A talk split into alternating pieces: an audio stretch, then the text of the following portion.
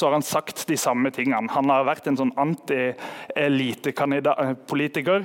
Han har snakka om, om uh, hvor viktig det er å unngå de store økonomiske forskjellene i USA. Uh, og, og, på den måten så har han bygd, bygd tillit. Men fremdeles så, så, ble han valgt inn i en liten delstat med 700 000 innbyggere. Det bor jo 330 millioner i USA. Og, og den delstaten har 700 000-800 000 innbyggere. Så, så han var veldig populær i Vermont, men stort sett hele USA visste ikke hvem han var. da. Uh, og, og uh, en, Hvis dere syns det er spennende med, med, amerikansk politikk og utviklinga, så vil jeg anbefale den filmen som heter 'Capitalism and Love Story' av Michael Moore. Uh, som ble laget i etterkant av finanskrisa.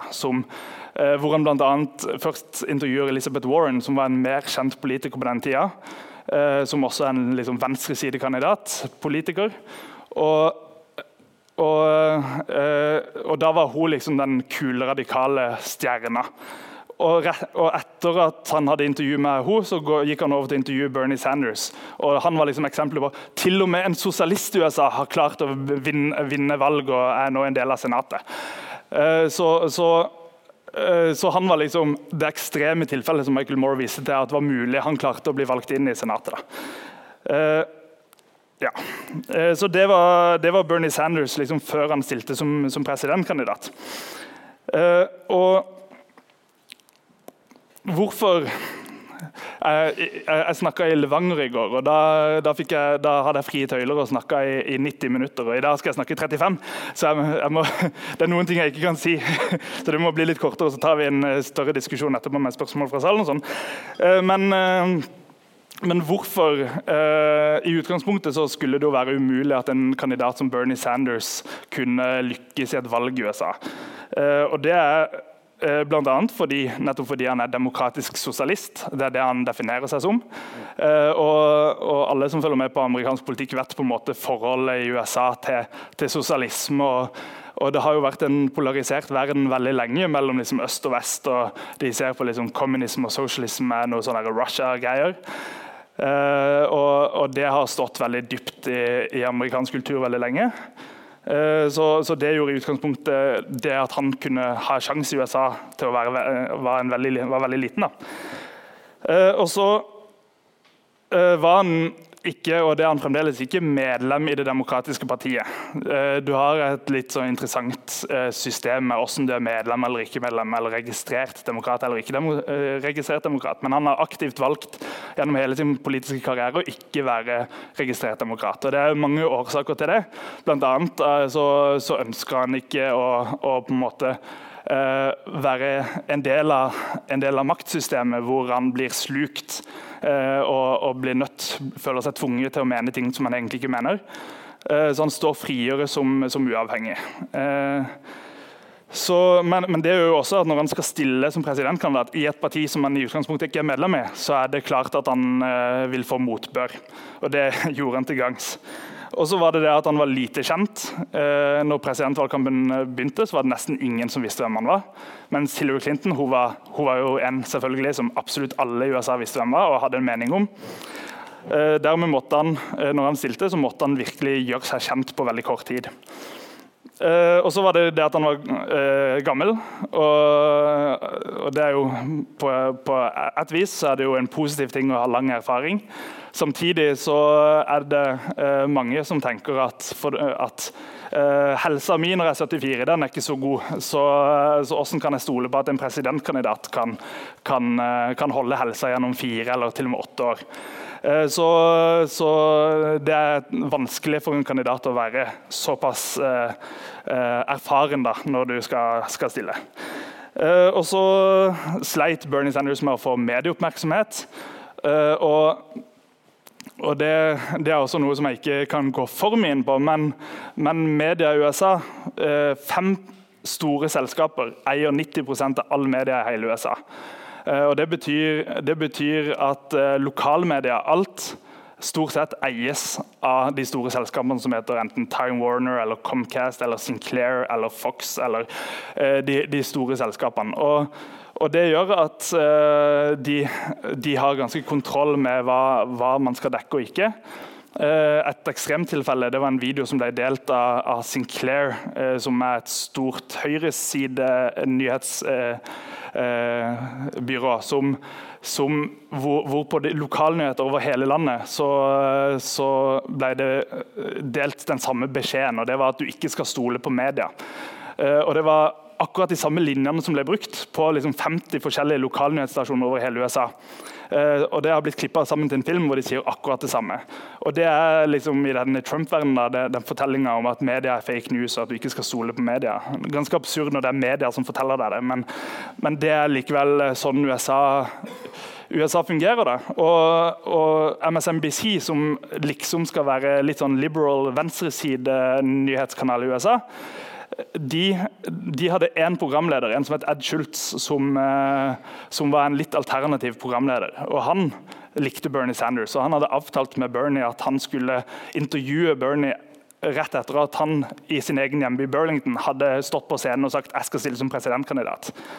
Uh, og Det er en ganske stor event når du stiller. og I Burlington var det 6000 av 40 000 som møtte opp for å, for å høre på han, som er ganske utrolig mange.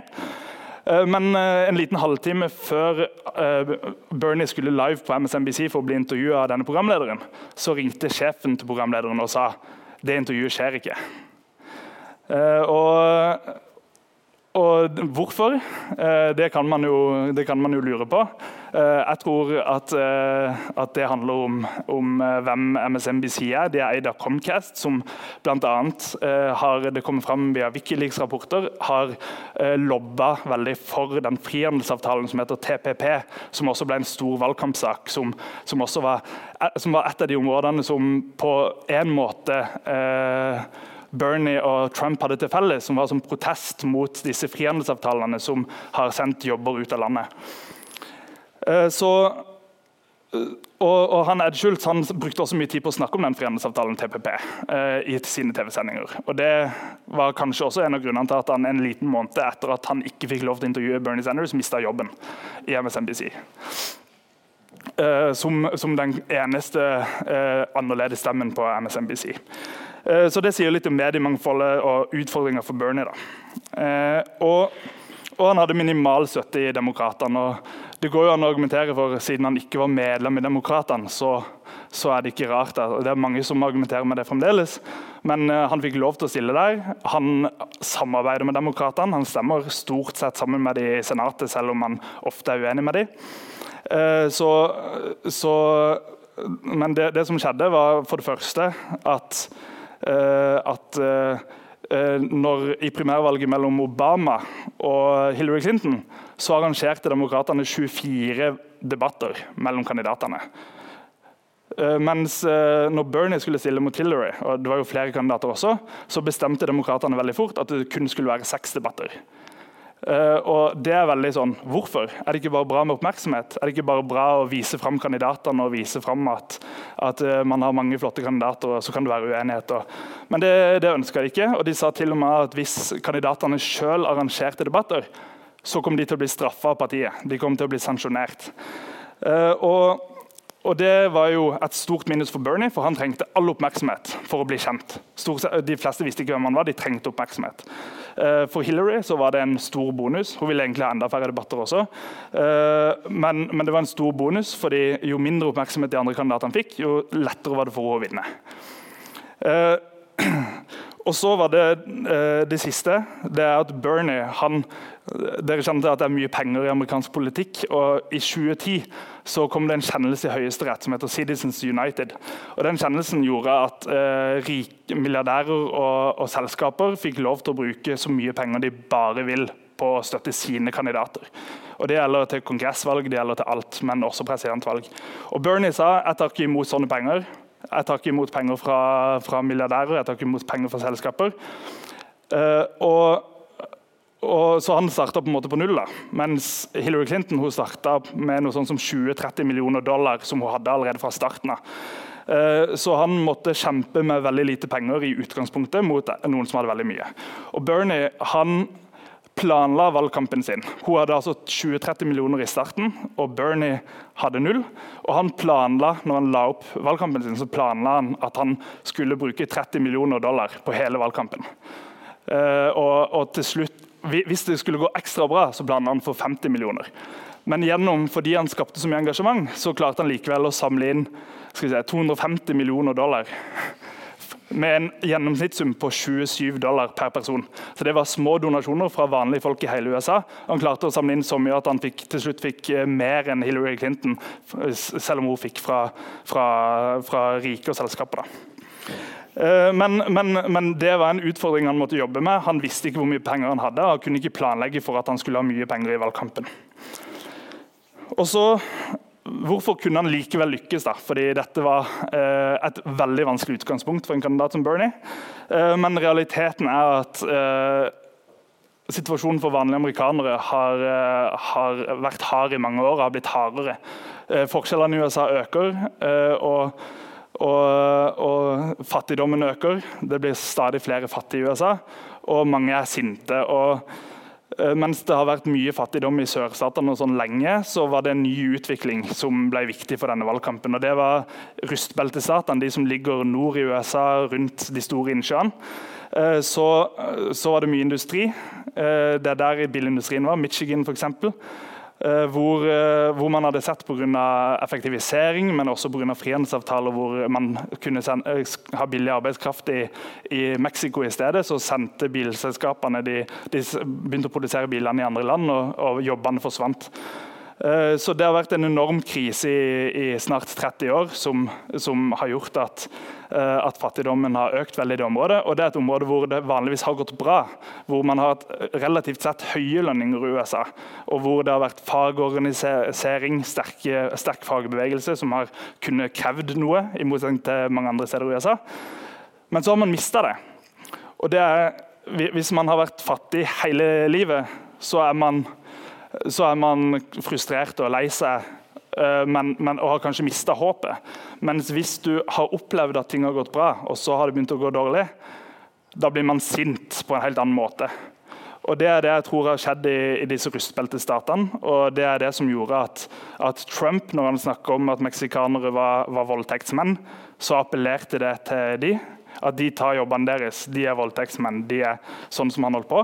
Men argumentasjonen til Bernie Sanders om at rike stadig blir rikere, de betaler mindre skatt samtidig som dere blir fattigere, det var argument som resonnerte også. Så han kunne få en del av de velgerne, eh, som, som, også Trump fikk. Og det var disse delstatene som til slutt ble, ble avgjørende. Eh, og så og, og, og, Bildet som er på skjermen, som, som, dere har sett og kanskje lurer på, det er fra, dette er bilder som jeg tok når jeg var i byen eh, Toledo i Ohio. Jeg skriver litt om det i kapittel to i, i, i boka mi.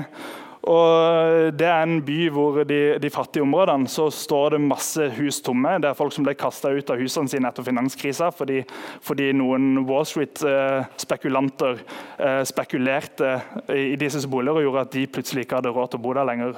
Uh, og når jeg kjørte rundt i de områdene, så var det det ene tomme huset etter det andre.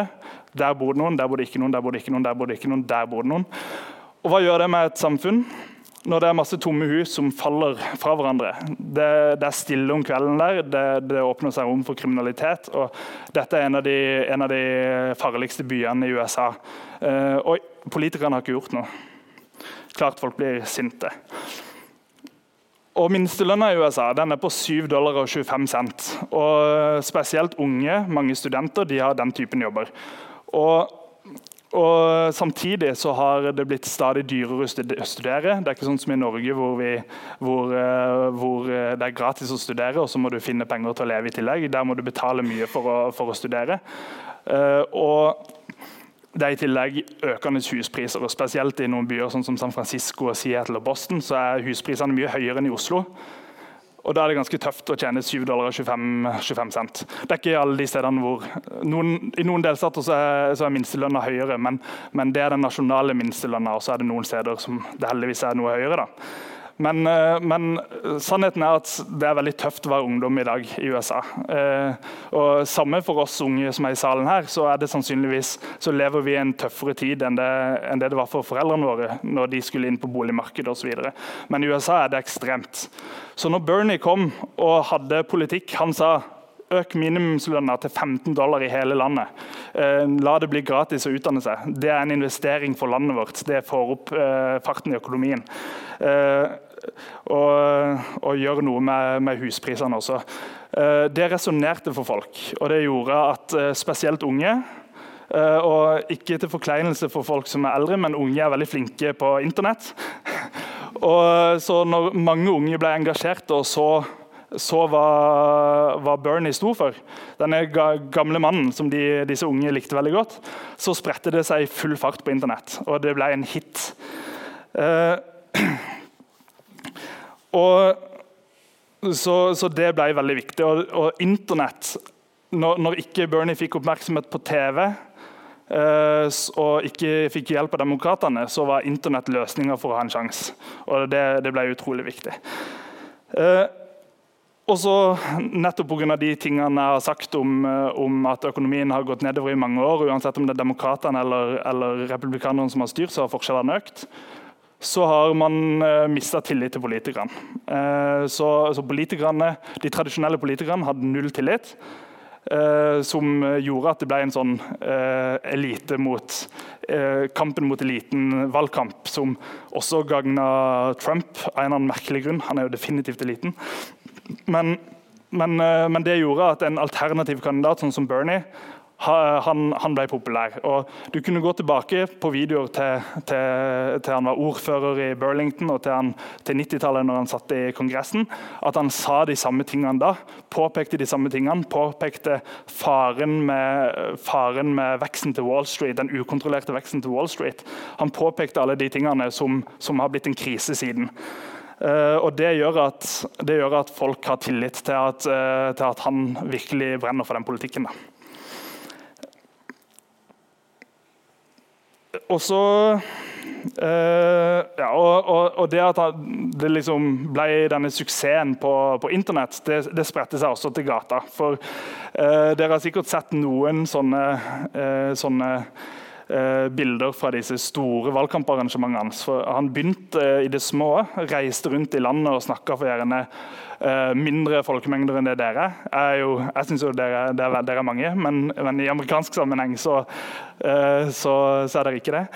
Eh, og han begynte med å gjerne snakke for 50 mennesker, men, men etter hvert som, eh, som, det spredte seg på internett, så, så dukka det opp flere og flere på valgkamparrangementene. Og etter hvert så holdt han valgkamparrangementer på stadioner. Og på det meste for 27 000 mennesker i Los Angeles, i Portland, Oregon. Uh, og til og med et valgkamparrangement i New York hvor det var 28 000 innenfor portene, og så var det rundt 10 000 utafor. Som er helt enormt. Uh, og jeg tenkte jeg skulle vise dere, for for Bernie ble en it-greie. Det ble sånn filmer spredt på Twitter om hvor man løp eh, gjennom hele køen som venta ut, utenfor for å slippe inn, for å vise hvor mange det var som, eh, som, som var på vei. Så Det ene etter det andre ble sånn it-ting som ble spredt rundt online. Eh, og, og, gjorde at folk ble gira. Og det ble en stor nyhet Hvis det er en ny kjendis som støtta Bernie, så ble det en stor nyhet osv. Eh, og i i uh, Portland, Oregon. Eh, der, eh, han var der et par ganger i sånn gedigen sal. og, og det, Jeg skal vise dere et eksempel på det nå. Eh, hvor dere kjenner litt på, på stemninga, hvordan det var å være på disse Bernie-rallies. For Det var ikke som å være på disse hate-møtene til Trump, hvor folk skriver 'lock her up' og, og sånne ting. Eh, her, eh, her, ser dere at folk virkelig brenner for saken på en, på en positiv måte. Og så skjer det noe gøy i den videoen jeg skal vise dere. Det, det er dette som er kjent som Birdie Sanders. Så kan dere lure på hva det er. Er, er lyden klar? Ja, tror det. Til Bernie der, hvor han, hvor han, gikk inn for at eh, USA skal slutte å drive sånn, sånn eh, intervensjoner for å kaste regjering rundt omkring. Eh, som, som var, var, viktig for ham. Eh, Og, og, dere merka litt stemninga, hvor, hvor, magisk det var. Jeg har vært på noen av disse folkemøtene, bl.a. i San Francisco og Los Angeles og, og, og, litt rundt forbi. og Det er virkelig en sånn magisk stemning. Det er folk som, som uh, altså det, er, det, er litt som å være på en rockekonsert, bare at uh, det er et sånn stort politisk folkemøte. Uh, og mens mange politikere som holder sånne folkemøter, de holder en flammende appell med noe fantastisk retorikk i 10-15 minutter, og så, og så er de ferdige. Uh, og liksom går ut av scenen til stormende jubel. Men, men, Bernie gjorde det annerledes. Han holdt på i en time hver eneste gang. Han holdt gjerne tre av disse møtene hver eneste dag i valgkampen. og holdt på en time av gangen. Så han er en sprek 74-åring. Uh, eh, eller var en sprek 74-åring. Uh, eh, og og, og, Grunnen til at han holdt på så lenge og det fungerte hver gang, det tror jeg er fordi det er et sånn vakuum av informasjon i USA. Folk føler ikke at de får informasjon, og de føler i hvert fall ikke at de får riktig informasjon. Eh, så det at han kunne stå der og fortelle eh, de sin versjon av utfordringene med USA, det var noe som var nyttig, eh, og som de, som de engasjerte de, og Det gjorde at de jubla like høyt etter 50 minutter som etter 5 minutter. Så det var, var spennende å følge med på. Og, og det Bernie sa, for han hadde jo et i amerikansk setting veldig, veldig radikalt program. Eh, og, og, gikk til valg på gratis helsevesen, altså norsklignende helsevesen og, og sånne ting som, eh, var, som, som, var, for radikalt for Som ikke Obama gikk til valg på. Eh, og som, eh, som var veldig, eh, veldig eh, radikalt. Men men han sa aldri at jeg skal bli presidentkandidat og så skal jeg gjennomføre den politikken for dere. For det visste han at var vanskelig. Eh, for det er reelt at det er vanvittig mange hindringer på veien. Eh, det han sa, det var at vi må få til en politisk revolusjon sammen. Eh, det er så vanskelig å få gjennom forandring i USA at millioner av mennesker de må stå på hver eneste dag, møte opp utenfor Capitol Hill i Washington DC og kreve denne politikken gjennomført. For jeg alene blir jeg presidentkandidat, får jeg liksom ikke til så mye. Eh, trenger å, vi trenger en stor stor bevegelse for å kreve den politikken. Og, eh, og når han eh, stilte som presidentkandidat, så jeg har ikke truffet Bernie sjøl. Eller rettere sagt, jeg var sånn klein sånn et, en gang i New York så, hvor han talte. Så, så, gikk jeg foran til scenen og så var jeg sånn Skal hilse på rockestjerna. så jeg har kjent svetten hans i hånda. Uh, det er liksom det nærmeste jeg har kommet. Men jeg, jeg, har truffet en som heter Larry Cohen, som han er president i den organisasjonen som heter Our Revolution. Og han fortalte meg at, uh, han fortalte meg at uh, at når Bernie bestemte seg for å stille som presidentkandidat, så var det egentlig ikke fordi han trodde han kunne vinne. Det var for å endre debatten, det var for å ta opp temaer som ellers ikke ble diskutert. Og så, uh, og så ville han få folk til å lytte og, og, engasjere seg i politikk som de ikke hadde gjort før. Og så, etter hver, så, så Utgangspunktet hans for å stille det var ikke sånn 'Jeg har lyst til å bli president, nå går jeg for det'. Det er ganske vanlig i USA at uh, presidentkandidater stiller fordi de har troa på at de bare er best. De kan gjøre den beste jobben. Det handler, det handler ikke om politikk. det handler ikke om utgangspunktet at de er sykt engasjerte og har lyst til å forandre verden til det bedre. Det handler om at jeg tror jeg er den beste til å styre. Uh, og det gjør også at Hvis du taper, hvis du ligger an til å tape, da er det ikke noe vits å bruke mer krefter på det. Da har du tapt, så da bare trekker du deg fullstendig unna. Mens Bernie sitt poeng det var at han ville bygge bevegelse. Hvor han reiste i USA og samla tusenvis av mennesker, det gjorde at han kunne bygge en bevegelse som, som kunne vare. Og Dermed så ville han bruke selv etter hvert som, som, Hillary begynte å lede mer og mer gjennom primærvalget, så, så ville han fortsette.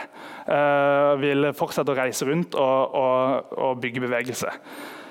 Uh, og, og, det er nettopp det uh, som, som uh, gjorde Bernie spesiell, og som gjør at han er så aktuell fremdeles. At han har stått på for å, for å forandre og for å bygge bevegelse. Det har jo etter hvert dukka opp ganske mange organisasjoner som er med på å forandre, forandre USA.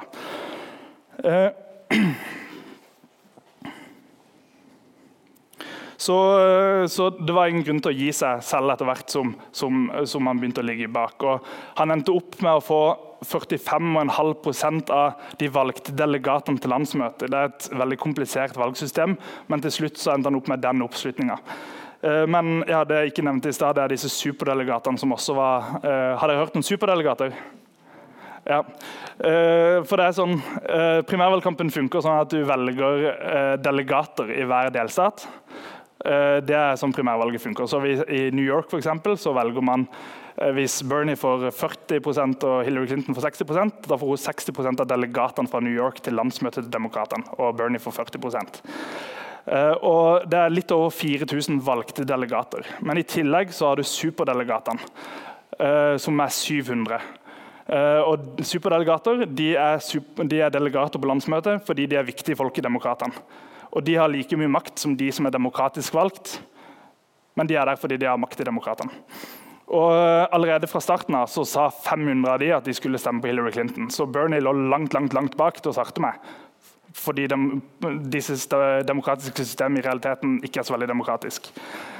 Uh, og, og, Det er jo en nyhet eh, som er ganske ny i dag. det er at eh, Bernie-folka har klart å kjempe gjennom i Demokratene at de skal kvitte seg med den ordninga. Og, og, den ordninga gjorde at man i utgangspunktet trodde at Obama ikke kunne vinne.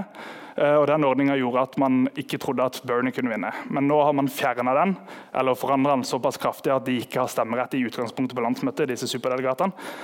som gjør at man i framtida lettere kan få en radikal kandidat til å vinne. Eh, så når Bernie tapte, så, så, fortsatte han kampen. Og han starta en organisasjon som heter Our Revolution. Den er nevnt at han Larry Cohen er, er, eh, er, president i. Eller han er styreleder, er mer, er riktig.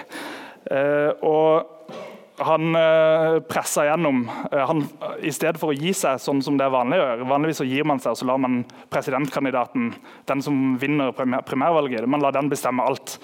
Eh, for det er ikke sånn, sånn som I Norge så har Arbeiderpartiet de har et valgprogram. og Det forholder alle politikerne seg til. Det er det de går til valg på. Men eh, Demokratene har også et valgprogram, men det er det ingen som bryr seg om. i, realitet, i, i realiteten. Så når, når, man får en presidentkandidat, så kan den gjøre som man vil. Han eller hun. Og Det forventa man at Hillary Clinton også skulle gjøre, men Bernie ga seg ikke. Han, sa, han pressa gjennom eh, på bakrommet så sa han at jeg skal støtte deg 100% i valgkampen hvis vi får gjennomslag for dette og dette. og dette. Så de forhandla seg imellom og kom bl.a. fram til at alle, eh, alle, studenter som skal begynne å studere, som kommer fra en eh, familie med under 150 000 dollar i inntekt, skal få kunne studere gratis. Eh, det er et av, et av, de kravene som han fikk gjennom i forhandlingene som gjorde at, at, man, eh, at, han bestemte seg for å stille seg bak Hillary Clinton til slutt. Så han drev en aktiv valgkamp for henne. Jeg var på noen av de valgmøtene. De var ikke like gøye. Det var ikke like mye entusiasme der som når han drev sin egen valgkamp. Men han sto på hver dag også for at hun skulle vinne. Uh, men i tillegg til å hjelpe Hillary Clinton med å vinne valget, så så eh, drev han valgkamp også for, eh, for progressive venstresidekandidater rundt omkring i USA. Og En av de hun het sefer Teachout eh, og stilte til valg i litt nord til Representantenes hus, til Kongressen, litt nord i New York. Uh, og Hun uh, var en republikanerne ikke hadde lyst til å få inn i Kongressen. For Hun er, hun er korrupsjonsekspert, hun har tatt en doktorgrad og vet hvordan man, man tar korrupsjon. Det er helt sant. Og, hun, og hun er også en aktiv miljøverner som jobba mot sånne oljerør som skulle gå gjennom New York, og var kjent for det. Så når hun skulle stille og ble demokratenes kandidat til det distriktet, så ble pengene kasta etter motkandidaten fra republikanerne. Og nå tenkte jeg skulle vise dere en veldig kort video og, og, dette er reelt som Vi kan snakke litt mer om det etterpå, men nå er det jo sånn mellomvalg og sånn, og det er mange progressive kandidater som vinner rundt omkring. Det er mange av de som taper, og de taper ofte bl.a. fordi de har mye mindre penger enn motkandidatene. Og nå kan dere se en type negativ reklame eh, i USA. Dette er helt absurd, men dette er en reell reklame eh, som eh, som er et eksempel på, på hvorfor det er vanskelig å vinne når du har mange ganger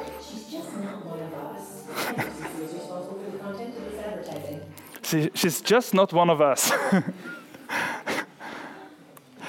Og det det er, ganske absurd, men dette, dette er altså eh, reklamer du får mot deg. Eh, og jeg tror hun klarte å samle inn 3 millioner dollar i valgkampdonasjoner. Jeg tror, hvis jeg husker riktig, så klarte han å samle inn rundt 5 millioner på, på mange måter fra rike folk. og sånn det også. Men i tillegg så var det sånne, sånne det som heter superpacks, som står utenfor kampanjen hans, som også drev valgkamp for han, som var, som var sånne store selskaper og sånn som ville at han skulle vinne, som brukte 10 millioner dollar for, på at han skulle vinne. Og hva skjedde på valgdagen? Uh, Sefer Tijout tapte et veldig jevnt race. Hun tapte med 3% eller noe sånt, nå, uh, som er veldig veldig lite. Uh, så uten de pengene så hadde hun mest sannsynlig vunnet. Uh, for øvrig er hun et navn dere kan bite dere merke i nå, fordi hun stiller for å bli noe som heter Attorney General, som er liksom delstatsaktor, delstatsadvokat i, i New York.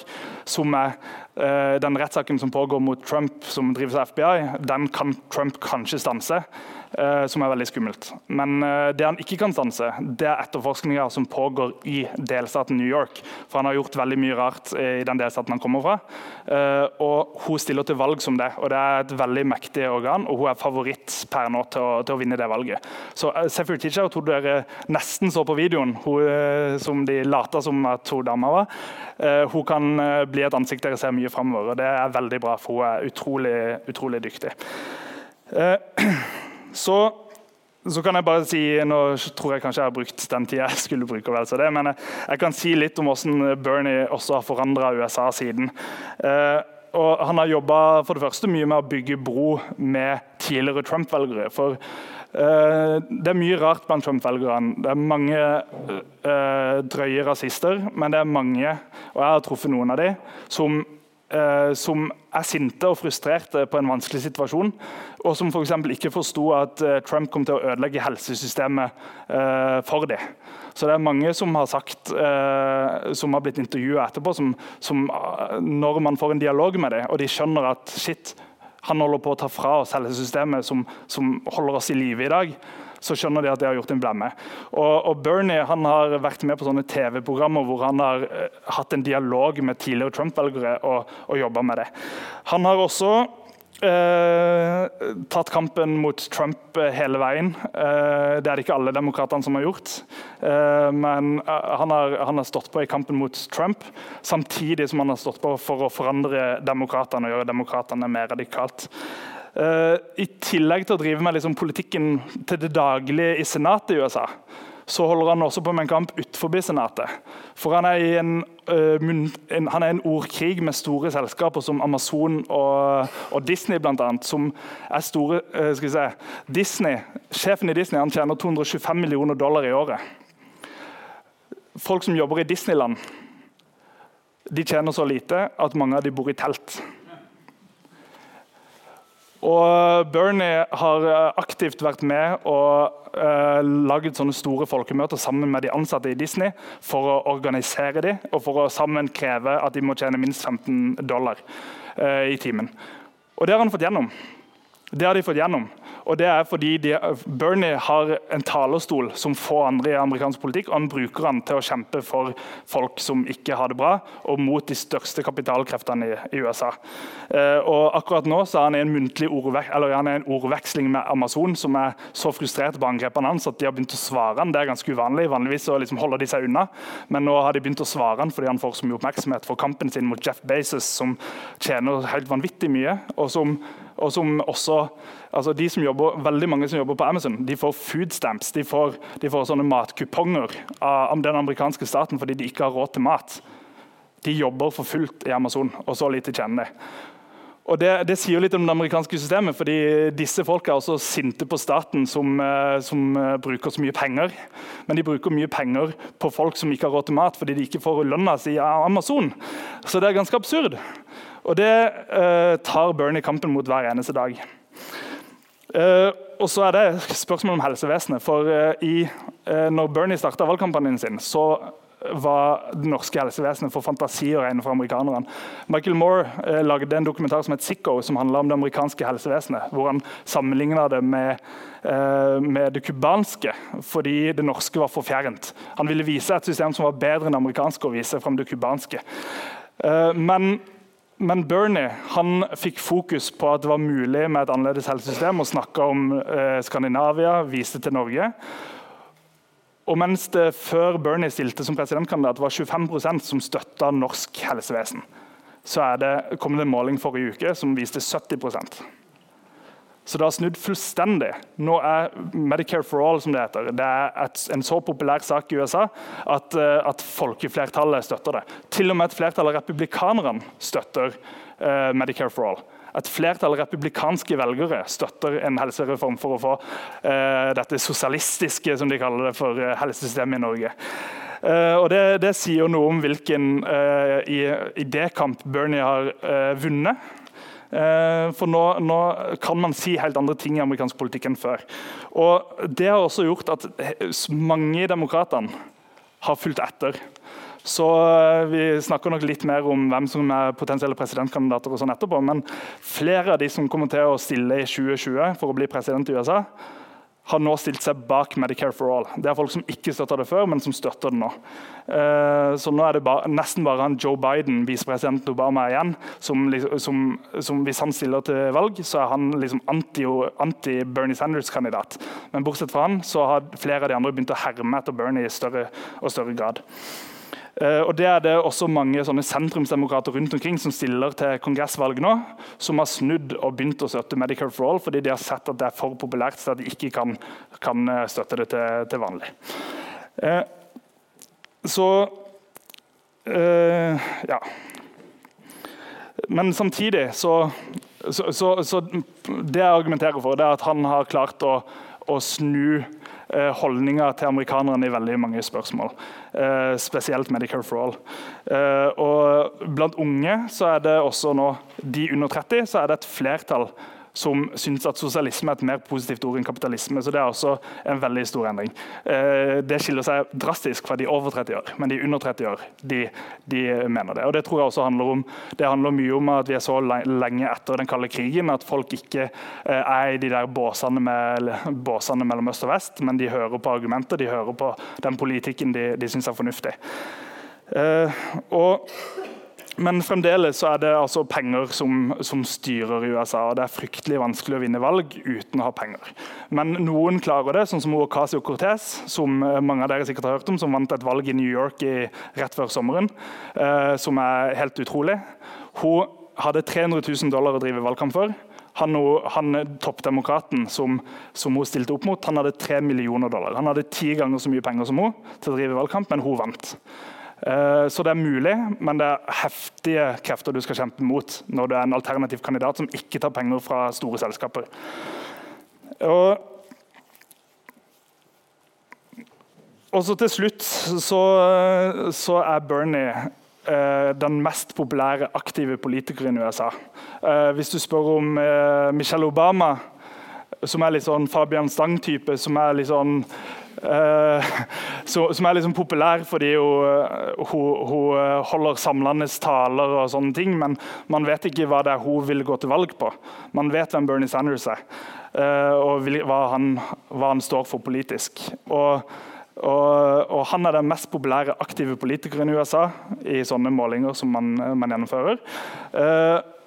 Og I målingene så er han, han, og Joe Biden står omtrent likt sånn i toppen. Men at, når, når, man har målinger som, hvor man spør om hvem som er favoritter til å bli presidentkandidaten til Demokratene neste gang.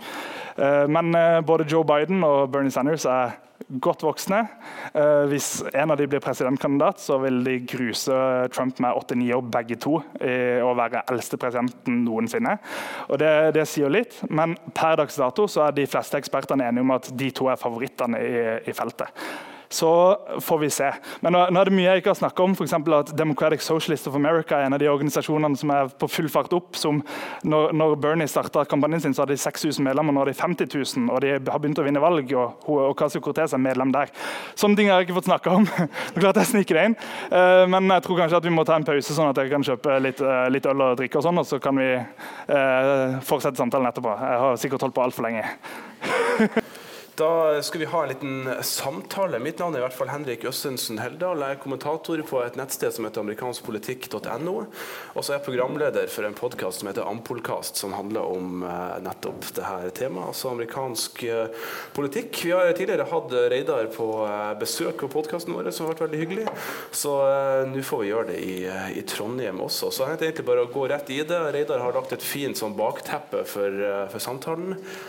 Og før vi skal senere, så vil jeg spørre deg mye, mye om venstresida i USA generelt, og om mellomvalget 2018 videre til 2020 osv. Eh, men først så vil jeg gå litt tilbake til det du har sagt om, uh, i boka di om, om, 2016, og litt det som har, som har foregått der. Fordi du er jo ærlig på det at at boka di er jo liksom en, fra ditt perspektiv og um, på en måte sånn partisk side fra sånn en Bernie-støttespiller og gjennom det, det lyset. Men, og det kommer veldig klart i boka, men det gjør også boka veldig sånn interessant, for den er veldig ærlig og, og oppriktig å lese. Du legger liksom ikke noe imellom, som er bra. Uh, og jeg ville spørre deg litt om det med, med, Hillary Clinton og Det demokratiske partiet. Du kom, fikk jo ikke tid til å komme inn på det i uh, presentasjonen din, hvordan Det demokratiske partiet la føringer. Du sa litt med debatter, men det var jo mange andre måter også. Uh, om, jeg vil spørre deg litt om, om de virkelig var den store, stygge ulven, og egentlig om om Det demokratiske partiet om eh, spilleflata hadde vært helt lik for alle parter, om partiet i det hele tatt var klar til å nominere en sosialist i 2016. Som du sa etterpå, så har det beveget seg i den retninga at mange demokrater nå eh, støtter Bernie-politikk mer enn de gjorde. Men eh, var det egentlig en sjanse i 2016, tror du, hvis det hadde vært eh, samme forhold for alle? Altså, altså, Om det var sjanse i primærvalget for ja, i Bernie? Nå kan selvfølgelig ikke, man ikke si, man kan ta en, en, situasjon hvor Bernie er like kjent som Hillary, har like mye penger, mm. men hvis det liksom ikke de føringene ble lagt da? Mm. Ja, altså Uten tvil hadde det vært 24 hadde vært 24 debatter og ikke, 8, og ikke 6. Eller det ble jo faktisk flere etter hvert. Og en av grunnene til at det ble flere, det var fordi Bernie gjorde det såpass bra i delstaten New Hampshire eh, at, og, og lå an til å vinne der, så Hillary ble ganske desperat. Så plutselig så ville hun ha en debatt i forkant av New Hampshire. Og Da ble de enige om å ha et par ekstra debatter etterpå også, så det ble en sånn forhandlings... Så det ble flere enn seks debatter, eh, men det ble ikke så mange flere. Det ble vel åtte, tror jeg. Åtte eller ni. Eh, men, men, men, det er klart at hadde man hatt spilleregler som var nærmere 2000 eh, og 2008, så, så hadde Bernie hatt en, hatt en større, større sjanse å vinne. Og 45,5% av delegatene, det er ganske, av de valgte delegatene, det er ganske nærme. Eh, så er det jo også et spørsmål eh, Superdelegatordninga er noe som ble lagd eh, på 70-tallet. Mm. og det, det, var fordi man så at det var noen veldig radikale kandidater som, som lå an til å kunne vinne primærvalg hos demokratene. Og, og, og, Det var noe man ikke likte, og så innførte man superdelegatsystemet for å kunne hindre for ytterliggående kandidater i, i framtida. Det, det, er på en måte årsaken til at det ble oppretta. Uh, og, og, spørsmålet er jo hadde de brukt den makta fordi de mente at Bernie var for ytterliggående. Så det, det, er det vanskelig å vite. De, man trodde kanskje at de skulle gjøre det mot Obama, men uh, de valgte å snu når de så at Obama fikk flere stemmer enn Clinton. Så valgte de å hoppe over til, uh, til, til han, de som egentlig sa at de skulle stemme på Clinton. Uh, så, så det, det, er veldig vanskelig å si, men, men det var føringer der for, eh, som var fordelaktige for Hillary Clinton. Og, og, og, man vet ikke hva som kunne skje.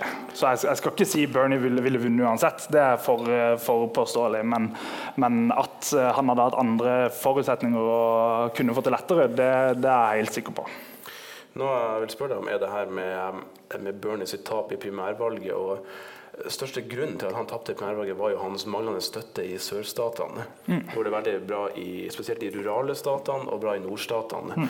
Han vant jo faktisk blant eh, hvite velgere, 49-48 over, eh, over, Clinton, mens han kun tok 23% av svarte velgere. Og svarte velgere er 40% av de demokratene som stemte i, i primærvalget. Så det er en ganske stor del av eh, en hjørnestein i partiet. I boka så sier du bl.a. at den politiske organiseringa blant demokratene er svak i sørstatene, og at de som finnes der, som regel er lojal mot den demokratiske eliten. Du uh, skriver også at uh, Clinton hadde ledere for borgerrettighetsbevegelsen og andre ledere i det miljøet da, som uh, støtta henne, og som aktivt drev valgkamp mot, mot Sanders. Men jeg vil presse deg litt på det også, fordi at det har jo kommet frem at Sanders-kampanjen ikke drev særlig god valgkamp i sørstatene, ikke tok det seriøst. Intervjuer med tidligere valgkampmedarbeidere i sørstatene har fått det frem at organisasjonen der nede ikke fikk de ressursene de trengte, selv om varsellampene gikk av i sørstatene. Og at kampanjen har ment at ressursene var bedre brukt andre steder til tross for at uh, delegatene er proporsjonalt. Sånn at, uh, som Obama kritiserte Clinton for. Hun, uh, hun deltok ikke mot Trump i de, de, stedene der hun var svak, bare i byene der hun gjorde mm. godt. Og Sanders gjorde ikke det samme, gjorde det samme i sørstatene. Mm. Så jeg vil spørre deg litt om hvordan du, hvordan du ser på det. Det er, det er, helt riktig. Uh, og, og, det Altså, veldig lenge Sanders-kampanjen den, den, hadde begrensa med uh, de trodde, jeg nevnte vel det nå, at eh, de trodde at de skulle ha mellom 30 og 50 millioner å drive valgkamp for gjennom hele perioden. Og, de, og Som en liten kampanje som skulle bygge seg opp, så hadde de noe sånn som 200 valgkampmedarbeidere ganske tidlig, eh, i tidlig prosessen som skulle jobbe i hele USA, mens Clinton-kampanjen hadde det samme bare i New York. Eh, så, så, han hadde få, ganske få folk og måtte, måtte, ansette folk ganske fort. og det er litt sånn du, du, gjør litt sånn, og så, og så, må du finne noe folk veldig fort. Og, og det å kvalitetssikre hvem du får, og, og, sånne ting, det er vanskelig. Og, og I sørstatene så, så, fikk han veldig lite igjen for ressursene han brukte veldig tidlig. Uh, og tok noen, de tok noen valg som i ettertid og, og, underveis også var veldig problematisk, som var å, å nedprioritere de stedene som man merka at han fikk lite, igjen, lite utbytte for ressursene som ble lagt ned. Uh, og, og, så, så, det er reelt at han, at han gjorde det, men, og det var jo fordi han, han, fikk lite utbytte fordi han ikke klarte å nå ut i de, i de lagene. og det er veldig vanskelig å, å vite helt eksakt hvorfor. Jeg, jeg, tror heller ikke Clinton og Clinton-kampanjen var så kloke på at de visste nøyaktig hvorfor de, de, gjorde det så godt i de miljøene sjøl heller. Uh, men, uh, men uh, for eksempel i for eksempel så hadde hun da, altså, I sørstatene så er det, det er en sånn dynamikk der hvor for det første så taper demokratene stort sett alle de delstatene mot republikanerne. Så de legger ned ganske lite energi der. Så, så de, folkene, de, få folkene som er der, det er liksom ikke folk flest. på en måte. Det er, det er de som alltid er med og deltar i, i det demokratiske partiet. Uh, og sånn at For å vinne valg der, så, så bør du helst kjenne de som, de som, styrer rundt forbi. Hvis ikke så er det, så er det ganske vanskelig. Og, og, Clinton hadde også veldig støtte fra nettopp de borgerrettighetsheltene som, som du snakka om. Uh, han, uh, Louis, John Lewis, f.eks. Uh, og, og, noen av de sa til og med, det, det er helt absurd, men de sa sånn Uh, hvor, var, altså, hvor, var, Bernie når, når, vi marsjerte med Martin Luther King? Og så var Bernie også, gikk i det toget. Men på samme tida så, så var jo altså, Heldigvis har hun forandra seg, men, men når Clinton var 16 år gammel, så støtta hun Barry Goldwater, som er en ganske crazy rasist hos republikanerne. Uh, så, så det er, det er liksom, han, han tok tok Clinton sin side og var ganske sånn feig i argumentasjonen for hvorfor ikke, ikke Bernie var en, var en, god kandidat.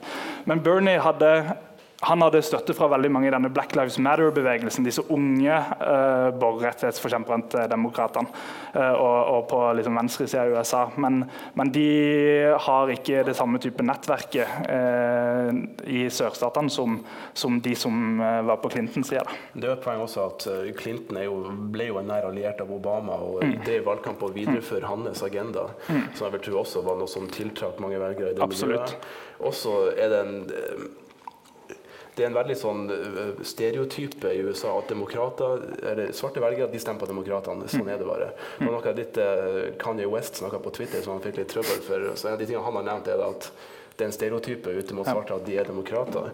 Faktisk så var det en eh, med bruk av den American National Election Survey, som en sånn stor undersøkelse som gjøres etter hvert valg i 2012, hvor 45% av svarte velgere identifiserte seg selv som konservative. Så det er en mye mer moderat gruppe. Jeg vil få frem det poenget at de er ikke de er ikke like nær ideologisk til Bernie Sanders som uh, mange av de velgerne han faktisk lyktes med å få. At kanskje mm. Clinton-kampanjen ikke visste hvorfor de fikk de velgerne, men at en mer konservativ, forsiktig del av den velgergruppa kanskje spilte en rolle i at de valgte det trygge valget med Clinton, som sto dem nærmere. Mm. Jeg, tror, jeg, tror, det er riktig, og, og spesielt i sørstatene så er det jo mye sånn eh, altså Det er mye kristendom eh, i de afroamerikanske miljøene som gjerne er konservative. Eh, så det er det, det er det ingen tvil om. Samtidig så er det ekstremt mye fattigdom også. Uh, og, og, det er nettopp eh, fattige som, eh, som, ikke får den lønna de fortjener, som Bernie prøvde å snakke til. Så han klarte åpenbart ikke å nå ut til de miljøene. og det, og det, det kan ha en, en, årsak til det kan være at det er ganske vanskelig Også, i Norge er det jo de som tjener minst, som stemmer minst. så det er, jo, det er, jo, i utgangspunktet vanskelige grupper å nå ut til. og det klarte han ikke. så og Jeg har også snakka med folk i altså Jeg var i Toledo, hvor jeg bl.a. snakka med en som Black Lives Matter-aktivist eh, som, som eh, heide på Bernie, men som også jobba for Clinton og ble kandidat. Og han, han sa at at uh, det gjerne var et problem at alle disse hvite, unge engasjerte som støtta Bernie, de var veldig for Black Lives Matter og støtta den bevegelsen og støtta, borger, altså justisreform og alt mulig rart. Men uh, når de skulle gå sånn dør-til-dør-aksjon, som de gjerne gjør, så så, og skal velge seg ut områder, så velger de gjerne ikke de fattigste områdene. De er, de er gjerne litt skumle og uvante, og, og områder man ikke er vant til. Da. Så det, altså, det, er mye, og det er komplisert, og, og sånn, men, men det, er, det, er, noen av faktorene. Da. Det handler ikke om at de er rasister, men at, de, at, at det, er noe ukjent for dem.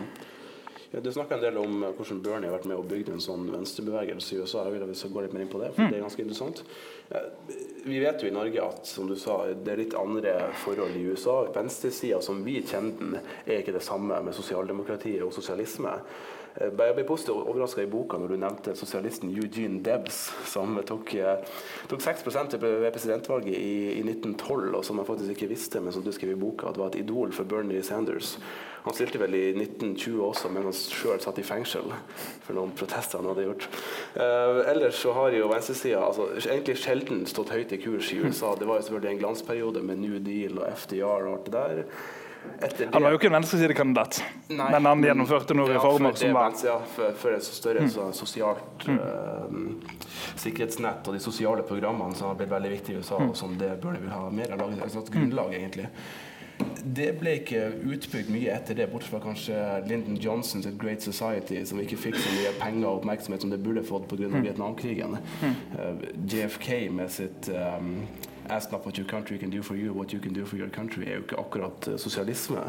Og etter det, når kun Carter og Clinton var demokratiske presidenter, så var det jo de også veldig moderate, og det skjedde egentlig ikke mye med den uh, bevegelsen. Mm. Det kom litt tilbake med Ralph Nader, stilte for De Grønne i 2000. Han drev jo også rundt og um, tok vel 3 og, uh, på sånne stadioner. Han solgte vel ut Madison Square Garden faktisk i 2000, så det fantes en grobunn men når du er en uavhengig kandidat, så har du ikke eh, muligheten til å vinne. Du får ikke noe medieoppmerksomhet. Derfor mm. Bernie er jo en slags en pragmatisk type som både stilte mm. inn i det demokratiske primærvalget. Hvis du er uavhengig, det eneste spørsmålet du får i media, er jo hvordan kommer du til å påvirke valget med dine 2 ikke sant? Så Bernie gjorde veldig, var smart som gjorde det. Så jeg vil spørre deg litt om de her eh, f.eks. Uh, Our Revolution, som du mente om, og hvordan Sanders på en måte tapte veldig mye, men vant også gjennom en, at en, eh, det er en gruppe som faktisk har en sånn påvirkning nå. Mm. Hvordan du ser på venstresida i USA generelt, som er sterkere nå enn de har vært på lang tid, selv uten presidenten. Mm. Altså i dette spørsmålet om, om eh, Bernie burde stilt som uavhengig, og sånt, så, så, mener jeg også som, som, sosialist i Norge at han gjorde det riktige. Eh, for uh, han kunne fort endt opp i samme posisjon som Ralph Nader. Og, og, selv om jeg mener at det er urettferdig at han blir såpass forhatt som han gjør i USA, så blir han forhatt etter at uh, George Bush ble president i, i, uh, i 2000. Det mener jeg også er litt urettferdig. da, når Demokratene trengte jo noen å skylde på etter De trengte noen å skylde på, og da var det han, han de skyldte på. men men, det viser også hvilken risiko eh, Bernie hadde tatt hvis han hadde stilt som uavhengig presidentkandidat etter å ha tapt mot Clinton. Eh, så, så, i stedet så har han holdt seg, holdt seg aktuell. Og, og, og, Det som også er viktig å forstå med, med Det demokratiske partiet, det er at det er et parti, men det er også en plattform. Og det er, det er, viktig å skille mellom de to tingene. Så En som Bernie, som ikke er medlem i Demokratene, kan faktisk stille til valg i Demokratene. Du kan, du kan være medlem i Demokratene, eh, registrert demokrat, og å eh, stille til valg i Demokratene, men ikke nødvendigvis på plattformen til Demokratene. Så du kan stille med lojalitet til Democratic Socialist of America eller til Our Revolution. Og så kan du stille i Demokratenes primærvalg i det valgdistriktet i New York eller det valgdistriktet i Kansas. Og så kan du prøve å få flere stemmer enn motstanderen din i, motstanderen din i Demokratene. Og, og hvis du vinner da, så blir du Demokratenes kandidat og, er, og tar kampen mot republikanerne. Og og Det er det som alle disse progressive venstresideorganisasjonene gjør. det er at De har en sånn inside-outside strategy som, som, handler om at de bygger bevegelse utenfor partiet, men så bruker de plattformen demokratene til, til å vinne gjennom kandidater og vinne gjennom politikk. Uh, så, og, og, Det er en av strategiene til, til, Our Revolution. I tillegg så bygger de lokallag rundt omkring og, og, og, er mer sånn aktivistiske. De skal bygge organisasjon, de skal vinne lokalt. Det er ikke, det er ikke bare sånn at de går for, sånne, for å vinne plasser i Senatet. F.eks. i en by som heter Somerville, eller en, et altså, det, det, er på en måte en del av Boston, men eh, de har sitt eget bystyre. Så er det flertall av, av Our Revolution-støtta eh, politikere i, i, i Somerville. Det er jo nesten noe nytt. Du nevner det i boka med Occupy Wall Street, og hvordan det var mm. en bevegelse som nesten bare ble borte etterpå. Mm. Eh, når egentlig vinteren kom og tok de, så så vi de, mm. så vi de aldri igjen. mens på høyresida i USA har alltid vært utrolig god på det å mm. fokusere alt så sinne i en bevegelse og all den motivasjonen inn mot et valg. Mm. At det å tjene inn seter i et valg, om det er veldig lokalt eller om det er nasjonalt, er utrolig viktig. Og Konservative i USA har egentlig vært mye mer effektive og smartere på det. Dette er egentlig mm. første gang at noen på langt ute på venstresida gjør det på en sånn gjennomført, mm. gjennomtenkt måte. Det er riktig. Og, og det, disse organisasjonene får et, etter hvert veldig, større, veldig, mye større tyngdepunkt. Eh, så tyngdepunktet flyttes på mange måter fra selve partiet til disse organisasjonene. og Alle organisasjonene kommer ikke ut fra Bernie-bevegelsen. Noen av de fantes fra før og, og, kom som følge av Obama og Howard Dean, som stilte i 2004. Og, eh, heter, den, den, organisasjonen heter Democracy for America og, og Move On osv. Men alle disse organisasjonene står for veldig mange av de samme eh, politikkområdene som Bernie jobber for. Eh, og, og, de jobber ganske godt sammen. Og, og det gjør at eh, så Our Revolution har 600 lokaler rundt omkring i USA, men når du også teller med organisasjonen Indivisibles, som har 6000 lokaler rundt omkring i USA, eh, som også støtter mange av de samme typen radikale kandidatene, så, så blir dette en veldig sterk bevegelse til sammen. da. Nye fenomenet nå er jo egentlig at eh, kandidater det her er Bernie Sanders som har bana veien frem. Kandidater nå tør å stå frem som sosialister. Mm. Noe som man aldri gjorde før. Det, det varierer jo veldig i hvilken valgkrets du stiller, hvilken delstat. Mm. Noen steder, steder, har du ikke den luksusen at du kan gjøre det. Du må jo ha mm. muligheten til å gjøre det. Mm. Uh, det er jo noe som ikke har skjedd så mye før. Det er jo egentlig bare pga. Bernie Sanders som har omskolert en yngre generasjon og omskolert venstresida på en måte som er sånn ganske unik. Litt som måten Trump egentlig har omskolert masse konservative og har endra deres måte å se på ideologi på. Mm. Det, nå er det jo, sånn ser ifølge 538, de fem største sånne progressive eh, gruppene som støtter kandidater. Deres kandidater som de har støtta, har vunnet 41% av de demokratiske primærvalg. Så det høres lite ut, men det er jo egentlig en, en god del. Eh, nå er det jo eh, mye snakk om å organisere seg i Kongressen og hva man gjør hvis sånne kandidater vinner. Du nevnte jo også uh, Alexandria Ocasio-Cortez, som fikk mye oppmerksomhet særlig i norsk, uh, i norsk valgkamp, som også var en, en, sosialist. Og at de har egentlig altså Du har jo det her uh, Progressive Caucus i, i, Kongressen. Caucus mm. er jo en, sånn, en sånn slags valggruppe i i Kongressen, som, eh, som, Bernie er en del av, var med å starte. Akkurat som man har mm. Freedom Caucus i huset, som er de ti Party-republikanerne som har, har, sin gruppe.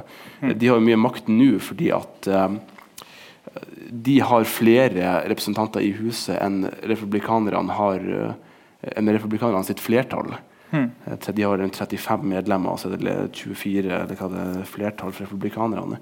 Det er jo noe som er fullt mulig at kan skje med demokratene etter dette valget. At demokratene tar over huset, og mm. at uh, Congressional Progressive Caucus blir større og kan få mye, uh, mye makt. Mm. Tror du at de, eh, den gruppa ville vært med eh, demokratene og samarbeide? Eller tror du de ville, vil bli sånn som Freedom Caucus, som egentlig ikke er så veldig ute etter å samarbeide, og mer ute etter å sabotere, og som gjør, at, gjør det veldig vanskelig for Trump og republikanerne å styre?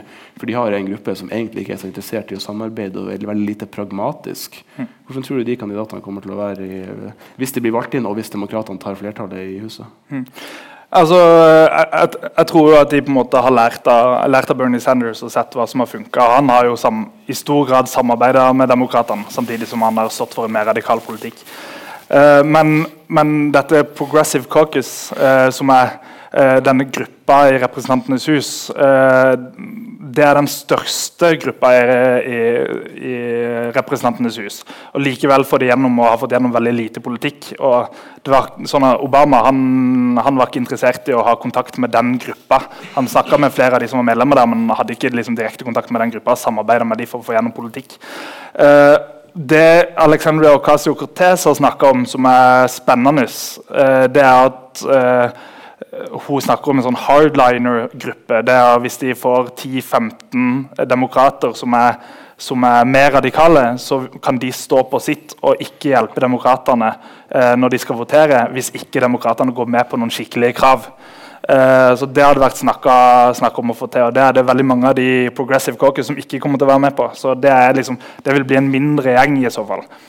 Uh, det, det, det, er en spennende tanke uh, for, uh, for, mange av, mange av demokratene. De, de, de, stemmer ofte med republikanerne og får flertall for politikk som, som, skattekutt for de rike, som, som, demokrater også stemmer for. Og da er, Av og til så må man være litt hard i klypa, tror jeg. Og det, og det kan det godt være at Ocasio-Cortez får til å, å, være med på. Men, men det er klart at eh, de vil være mye mer samarbeidsvillige og mye mer sånn orientert mot å vise at man kan uh, forandre ting til det positive. Uh, og Det er akkurat som i, som i Norge, da, for å, for, å, snakke om mitt eget parti og, og, og venstresida i Norge. så er uh, og Det har kanskje forandra seg litt med årene, men, men, det er helt tydelig at Rødt, som, som, er et radikalt parti rundt omkring i byene, så er man villig til å man er interessert i å samarbeide med, med de rød-grønne og få gjennom politikk, samtidig som man er interessert i å markere sine egne, egne standpunkter. Da. Men man ønsker å forandre, man ønsker å få gjennom politikk. Og det gjør man jo ikke hvis man eh, blir uvenner med alle andre. Altså, sånn, ja. Ja, jeg har uh, to spørsmål til før jeg tenkte vi kunne gå til salen og ta noen spørsmål. Det ene handler rett og slett om uh, 2020, det neste presidentvalget. og Bernie Sanders er jo en het kandidat Eh, på forhånd som er tippa å, å, stille på nytt igjen. Han og uh, Joe Biden er jo de som ligger høyest på meningsmålingene akkurat nå. Ikke at meningsmålingene nå har noe å si, men det er jo greit bare for å ha litt referansepunkt. Først, tror du Bernie Sanders kommer til å stille? Og også om hvordan tror du han kommer, kommer, til å gjøre det? Om han F.eks. det at kanskje han ikke kommer til å ha, like, ha enevelde over mm. den venstresida i, i primærvalget, og hvordan det kan påvirke. Mm. Altså Sist så var det 45% så fikk han jo 45 eh, og Det er snakk om nå at det kan komme så mye som 20 presidentkandidater på demokratisk side. og Det kommer til å bli et eh, rotete presidentvalg. Eh, og, men, men, det er så mange som ble glad i Bernie eh, for, eh, for, to år siden, da, at sannsynligvis så kommer så kommer i hvert fall nesten halvparten av de som stemte på han sist, kommer til å stemme på han no matter what hvis han stiller igjen. Så jeg tror at han har liksom sikra seg 20 eh, før det begynner. egentlig. Og det kan være ganske mye det, når det er 20 andre kandidater. Men mange av de kommer til å falle fra tidlig, selvfølgelig. Men uh, og ja, jeg tror at han stiller igjen. Uh, det kommer litt an på. Jeg tror at han og Elizabeth Warren kommer til å snakke sammen. Uh, jeg, tror ikke, jeg, tror ikke, at de to kommer til å stille begge to. Uh, og Elizabeth Warren er hun som ligger som nummer tre per i dag. Så hvis hun ikke stiller som en ganske radikal kandidat, så tror jeg at de fleste av de stemmene går til Bernie. Så Min påstand er at han leder da, hvis ikke Elizabeth Warren er, med i, i beregninga. Uh, men det er klart at han er eldre enn sist, og det er et argument som vanligvis i hvert fall står veldig sterkt i amerikansk politikk. Uh, så, så, det er veldig vanskelig å si. Han må i hvert fall holde helsa si veldig bra uh, fram til januar og gjennom hele, hele valgkampen for å, for å ha sjans. Uh, men han er en populær figur som er forferdelig aktiv fortsatt. Uh, så, så jeg, tror, jeg, tror, at han kommer til å, kommer til å stille. Og så, så er det jo noen altså, Det er jo også noe i tida, da, og det er jo en veldig god ting at, at man har fått en motreaksjon på Trump med å velge kvinner.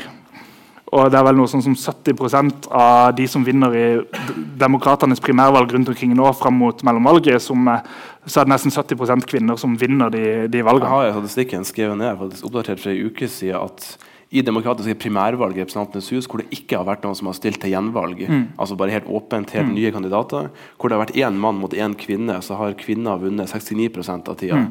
Og på republikansk, ja, på republikansk side så har du skal få den, republikansk side så har kvinnene kvinner vunnet 34 i lignende tilfeller. Ja. Og det, det, sier litt, men det er en sånn utrolig motreaksjon hvor man, hvor man løfter kvinner opp og fram. Da.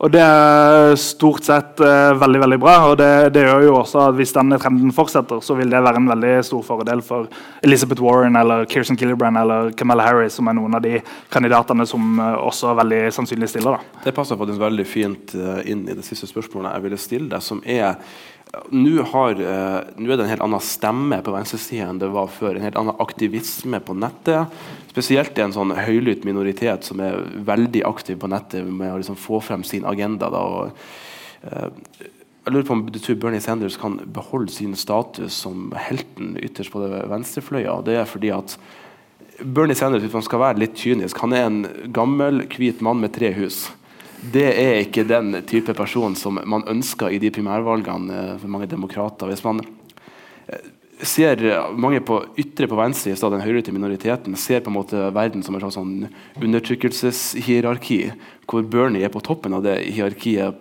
av de facto den personen han er.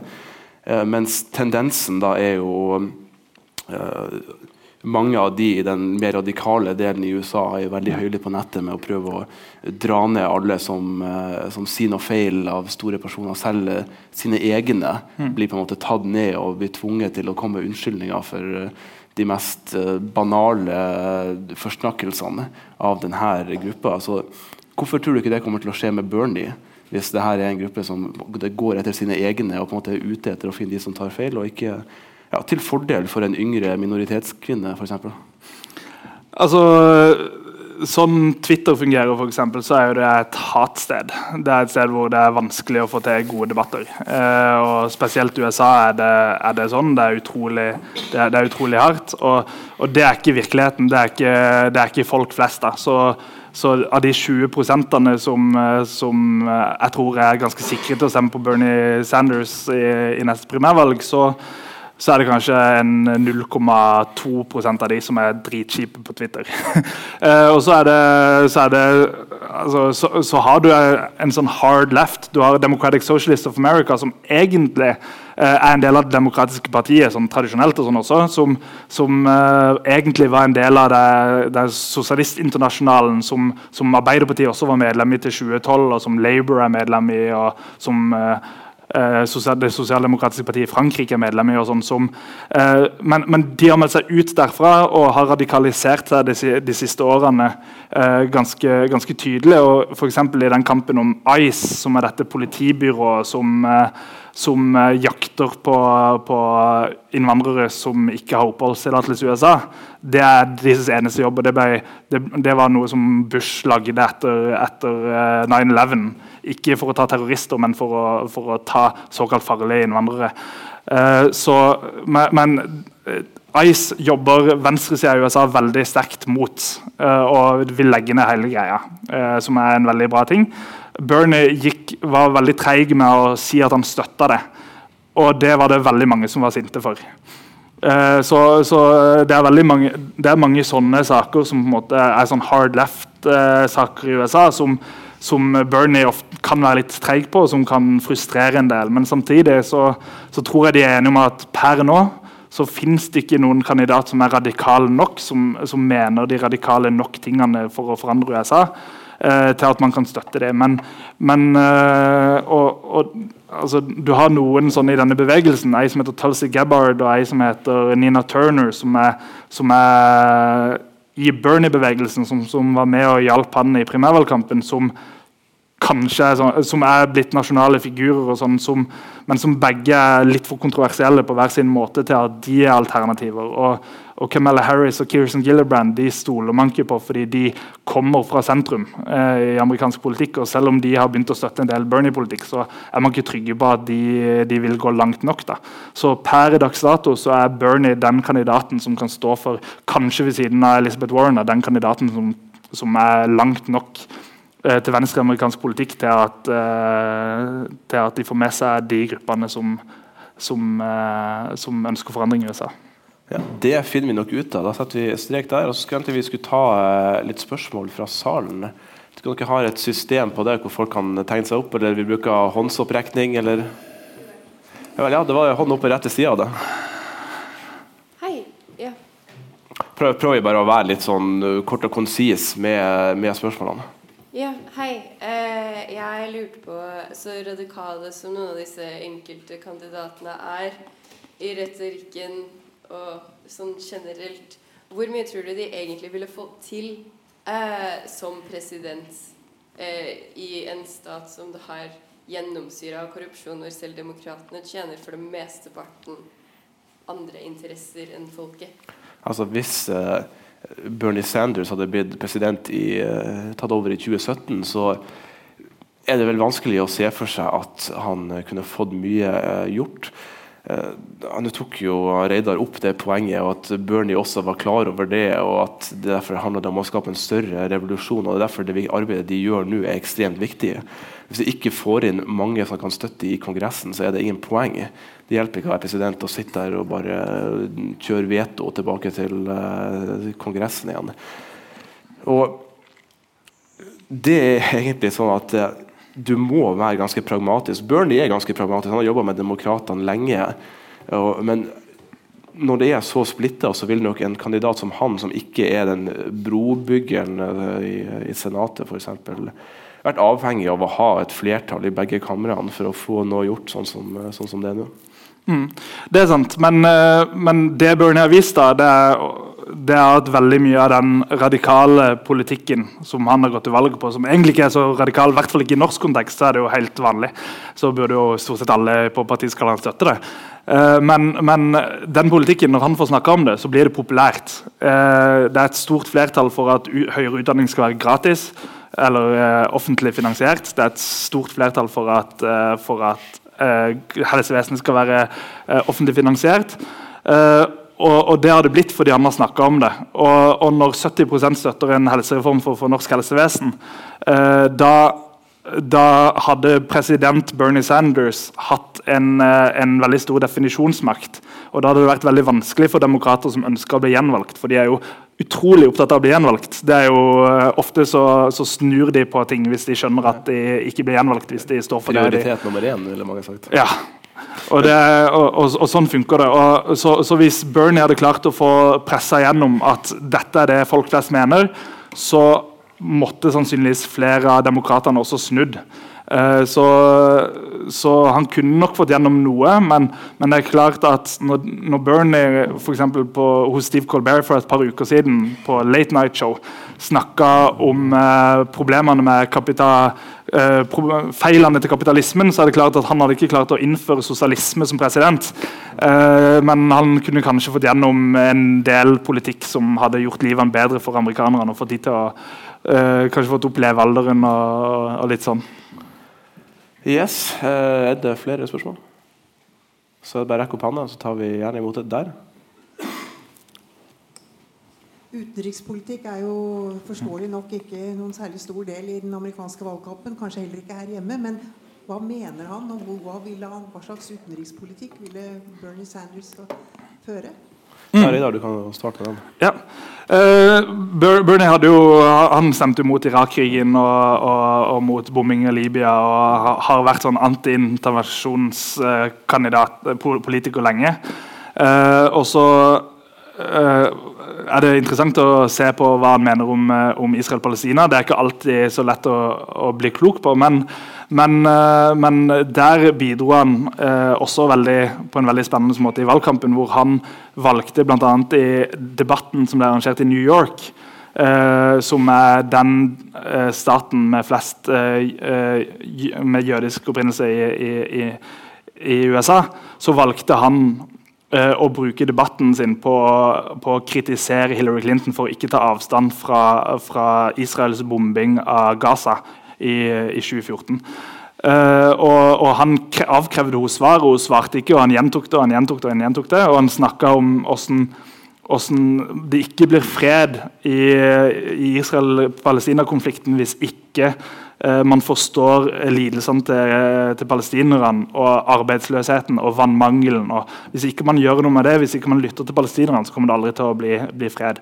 Og det, det brukte han den debatten på, og han har bidratt til å gjøre gjøre det mulig å, å snakke uh, med det perspektivet. Uh, det er også interessant fordi det er bl.a. ei som nå er palestinsk Eller det er faktisk to kandidater som, er, som kan komme inn i Kongressen nå, som er palestinsk-amerikanere. En uh, han Kampa i California og hun Rashida Taib, Tlaib fra Michigan. Som begge kan, kan komme inn i Kongressen og, og har en mer radikal politikk også i Israel-Palestina. Så, så, han har han, Det er sånn No wars, som han sa i den videoen. Eh, og, og, og, så når det gjelder handelspolitikk, så er han, så er han på å reforhandle og endre eh, de frihandelsavtalene som først og fremst gjør at store selskaper kan eh, konkurrere ned lønna til, til, de ansatte på, med, å, med å ha sånn race to the bottom mellom land og, og lage frihandelsavtaler som faktisk gagner folk og ikke selskaper. Men Bernies utenrikspolitikk er jo også en sånn mindretallspolitikk som det meste. Mm. Forskjellen der er at Hvis han var president, så ville han hatt mye større handlingsrom mm. til å faktisk utøve den. Nå mm. har jo Kongressen har jo mye makt når det gjelder handelsavtaler og egentlig det å etablere krig, eh, erklære krig, f.eks. Mm. Det har jo blitt fjerna hovedsakelig i praksis. Mm. Så det er faktisk et poeng, eh, i motsetning til mye av det andre, hvor Bernie faktisk kunne fått gjennom mm. sin, uh, sin, politikk. Ja, tar, vi tar selvfølgelig imot flere spørsmål. Vi har hånden der. Ja, eh, nå så vi jo i primaries det, i det republikanske valget at da var det veldig mange som stilte, og den mest ekstreme kandidaten eh, kom da vant. Er det noe som kan hjelpe radikale i et demokratisk primaries, der hvor det er mange som stiller, eller fungerer de to partiene helt forskjellige fra hverandre? Altså, man snakkes jo veldig mye i amerikansk politikk om sånne horse race. Det gjør de også i Norge. Hvem kan vinne, hvem kan ikke vinne. Mange tar avgjørelser basert på kandidater de tror kan vinne. Derfor mange trodde at eh, Trump ikke kom til å vinne. Folk tenkte at Hvis han ikke er valgbar, så kan han til å så vil ikke velgerne da velge han, for velgerne er veldig pragmatisk. Det viser at det ikke nødvendigvis er sånn. Jeg tror det kanskje kan gjenspeile seg på, på demokratisk nivå, men jeg tror det vil være et ankepunkt mot, uh, mot Bernie. At man tror at han ikke kan vinne. Mm. Men de her endringene i valgkampsystemet som du var inne på, uh, gjør det bedre. Nå kan ikke superdelegater stemme i den første stemmerunden, f.eks. Uh, de, kan, de er færre superdelegater. Det gjør at folket har, uh, har, en større mulighet til å kunne velge en radikal kandidat. Du nevnte Barry Goldwater tidligere, som var radikal kandidat som vant i 1964 republikanske primærvalget. Og det har vært tidligere også uh, radikale kandidater. Så det er ikke noen grunn til at det i et vanlig år ikke skal være mulig at kan, kan skje. Jeg tror det at eh, Trump er ganske um, ekstrem på flere måter, spesielt i retorikken og at venstresida har bygd seg opp, gjør at sjansen for en radikal kandidat på demokratisk side har blitt mye høyere. Hmm. Men Det er interessant det poenget med hvis mange kandidater stiller, hva, hva vil skje? Og Det kommer veldig an på hvem som er kandidatene. Eh, for, eh, for stiller Bernie Sanders og Elizabeth Warren, begge to som er ganske radikale kandidater, så kommer de til å splitte splitte de mest radikale velgerne i USA mellom to kandidater. Eh, du kan se ulike primærvalg i USA som skjer nå. Nå var det et primærvalg eh, i Florida forrige uke eh, om bl.a. guvernørkandidat. Og Da var det en, en kandidat som var støtta av Bernie Sanders, som vant primærvalget til å, til å bli guvernørkandidat. Det er veldig veldig spennende. Lå på fjerdeplass på meningsmålingene. Lå på fjerdeplass på meningsmålingene, og så vant han likevel. Og og det som er interessant der, er nå fikk han godt over 30 eh, han fikk vel 34% av stemmene, eller noe sånt, noe som er ganske høyt. fordi det var veldig mange som stilte til valg der. Men han var den mest radikale kandidaten. Og, og du kan si at hadde det bare vært én sentrumskandidat der, og ikke tre, så ville han sannsynligvis ikke vunnet. Da ville sannsynligvis sentrumskandidaten vunnet. Så i det, i det, eksempelet så var det så mange sentrumskandidater som delte velgerne mellom seg, at, at han vant. I Michigan så var det et guvernørvalg hvor der, hun Gretchen Whitmer fikk vel faktisk over 50% av stemmen, tror jeg. Mm. Uh, men der var det en sånn Bernie-kandidat som fikk rundt 30, 35% av stemmen. Og så var det en tredje kandidat som lata som han var en Bernie-kandidat.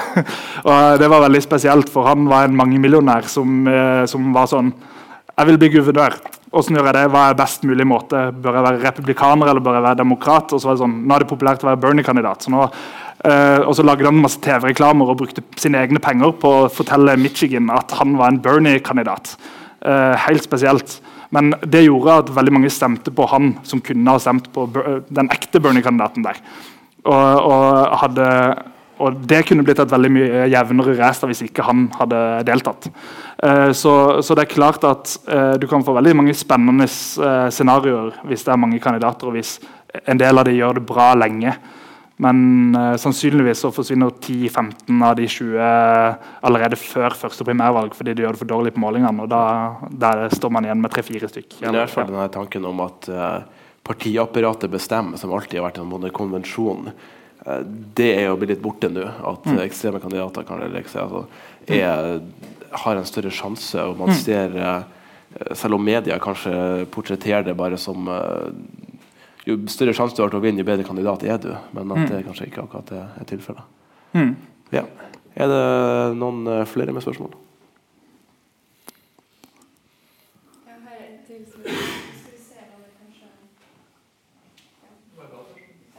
Ja, eh, du viste bilder av hus som var blitt uh, foreclosed etter finanskrisa. Eh, men jeg lurer på hvordan 2020 vil se ut i byer som Chicago, Detroit og Baltimore, hvor du har på en måte sånn mellom 10 og 15% heroinavhengighet i Inner City, Baltimore, altså steder hvor folk har vært utfatt i fire-fem generasjoner, hvordan, men nå kanskje har blitt liksom litt annerledes politiske med Black Lives Matter. Hvordan vil, hvordan vil det se ut i 2020?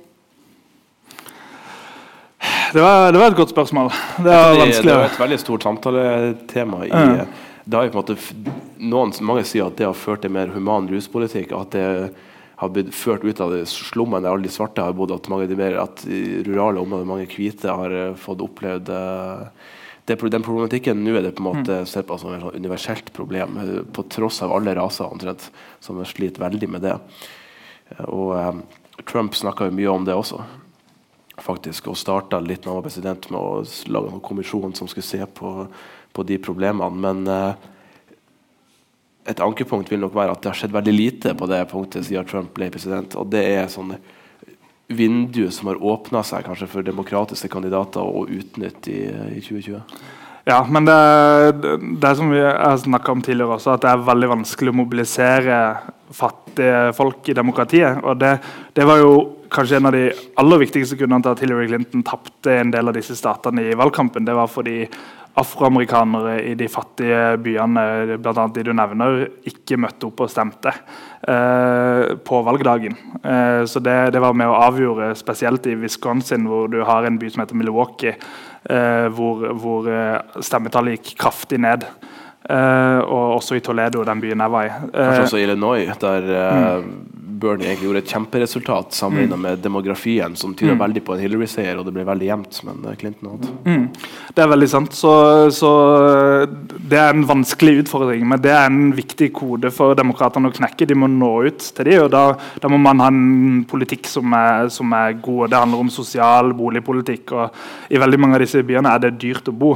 Og det det, er det samme også i, i en by som Seattle, som er en by som det går som økonomien til Seattle går, boomer, han går rett i lufta, bl.a. fordi Amazon har hovedkontor der.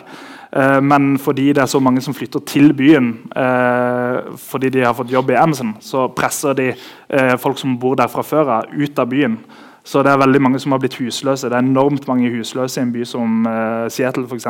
Demokratene har jo også fengselsreform som et av sine punkter. Mm.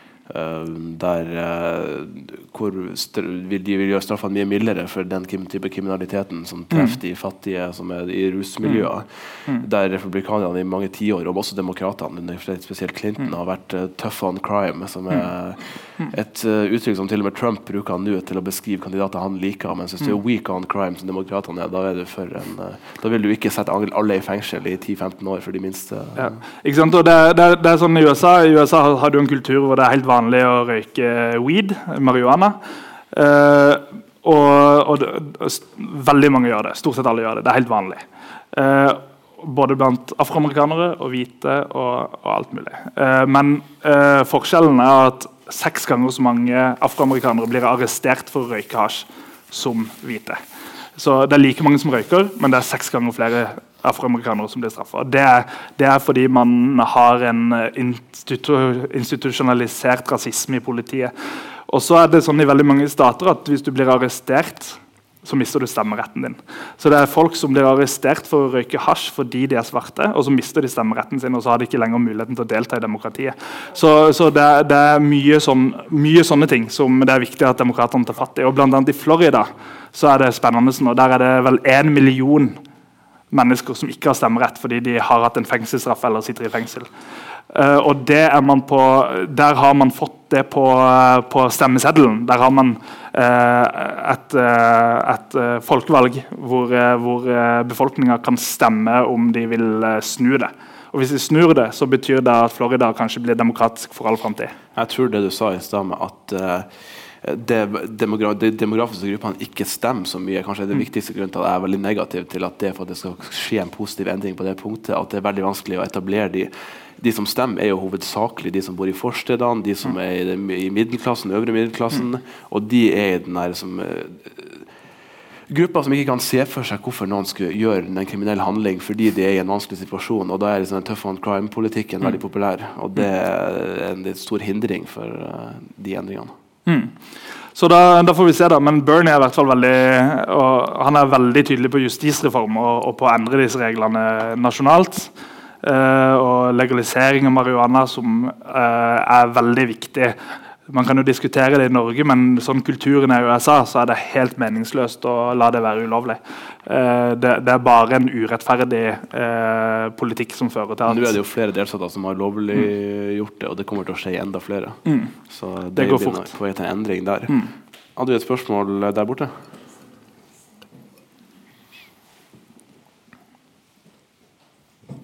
Tror dere mange av Trump-velgerne som er misfornøyde nå, som kan faktisk gå helt over til nettopp Bernie Sanders eller lignende kandidater? Ja, altså det var en overlap som du var inne på mellom faktisk de, de kandidatene. Som en, fra et rent outsider-perspektiv, eller fra økonomisk misnøye, eller fra det som har med handelsavtaler å gjøre.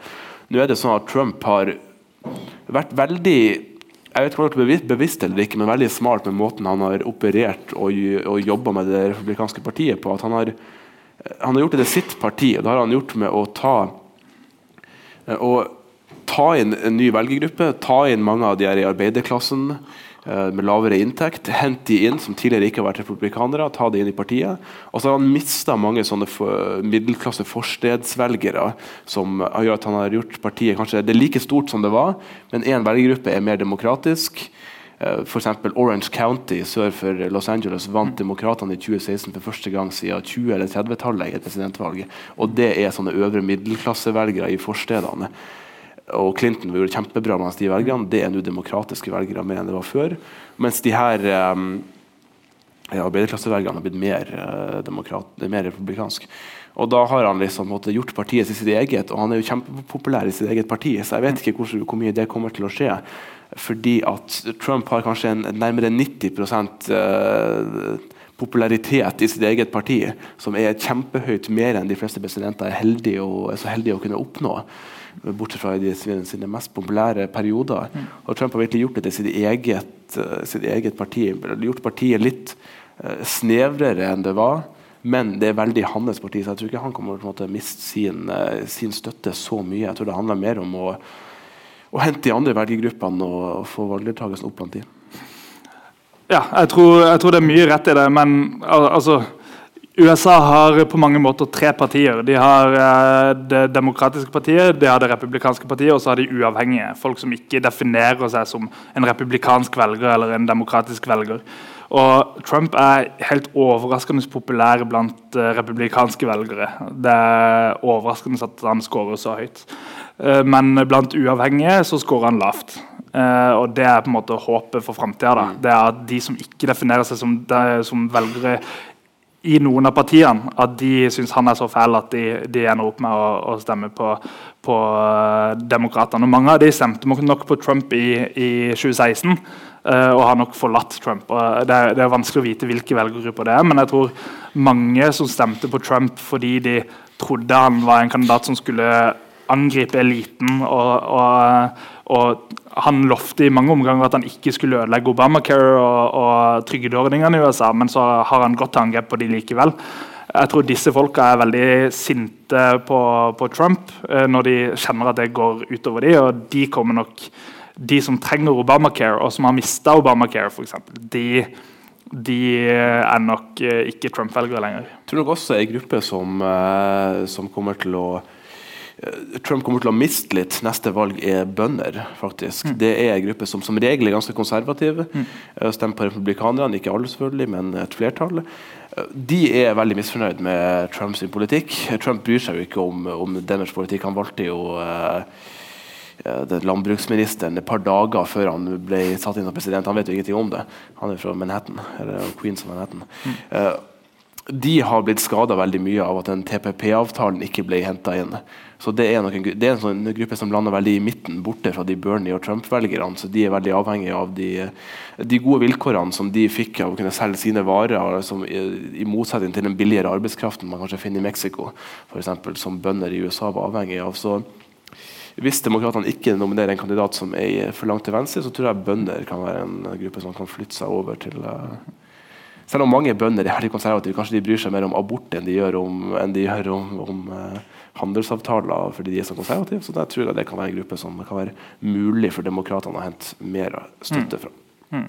Men sånn, eh, For å spre litt optimisme da, i mellomvalget sånn, jeg er jo jeg er veldig optimist på demokratenes vegne i dette mellomvalget. og Det handler bl.a. om at Trump er veldig populær blant republikanerne, men lite blant alle andre. Uh, og det, det, tror jeg fører til at vi, vi får en uh, behagelig november. Men uh, vi, vi, får se om jeg, om jeg har rett. da. Et siste spørsmål. Er det noen som vil stå for det? Der. Hei. Hei. Uh, Bernie Sanders identifiserer seg selv som demokratisk sosialist. Uh, det sa, lå merke til at du sa at han karakteriserer seg selv som det, ikke at han er det. Har du kommentarer til hvorfor du sa det, og i så fall Hva har ordet sosialisme hatt som effekt på hans kandidatur? Og hvorfor kalte han ikke seg sjøl en sosialdemokrat? Mm.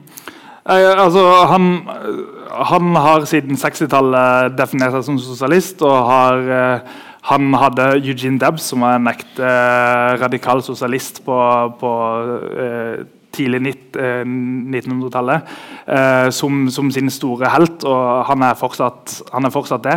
Hadde, men, men det, det, er vanskelig å si, fordi som, som vi har om, så er han en pragmatisk fyr som, eh, som, som snakker om måte, hva som er mulig i dag. Da. Så når han lager et partiprogram, når han lager et valgprogram, så, så går han til valg på politikk som er mulig å gjennomføre de neste fire-åtte årene. Eh, men hvis man går i dybda og spør han mer om hva han mener på sikt, så, så han mer, går mer løs på problemene med kapitalismen og at vi trenger, en, et, et, et, vi, vi trenger å demokratisere økonomien. Det er i, i for stor grad altså, hvis, eh, en person tjener 100 millioner og en person tjener 100, 250 000 i året, så er det et så er det forskjellig makt de to menneskene har.